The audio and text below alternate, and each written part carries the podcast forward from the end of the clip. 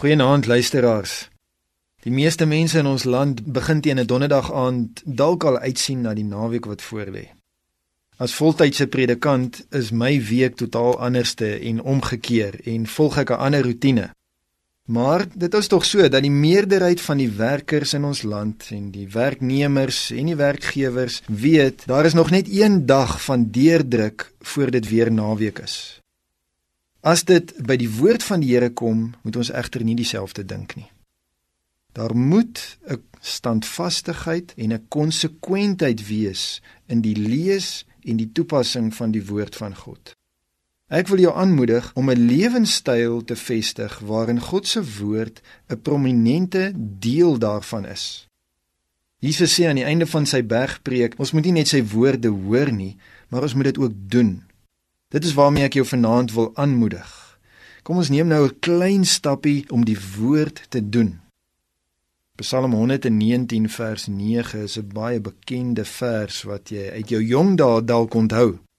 Of as jong mens hierdie teksvers al gehoor het. Dit sê: Hoe kan 'n jong mens sy lewe skoon hou?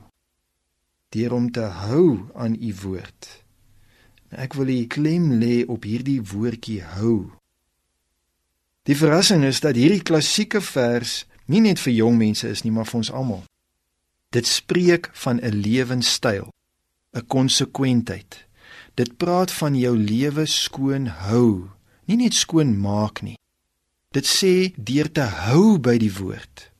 Die woord van die Here moet nie net in die week of net oor die naweek of net in die winter of net in 'n sekere tyd of net as jy die Here nodig het deel van jou lewe wees nie, maar altyd konsekwent as deel van 'n deurlopende lewenstyl.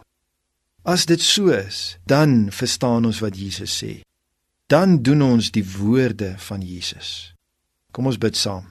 Hemelse Vader, Ek bid en ek vra U vir 'n stabiele geestelike lewe waarin U woord deel van my lewenstyl sal wees. Ek bevestig vanaand in gebed teenoor U dat ek daagliks by U woord wil bly.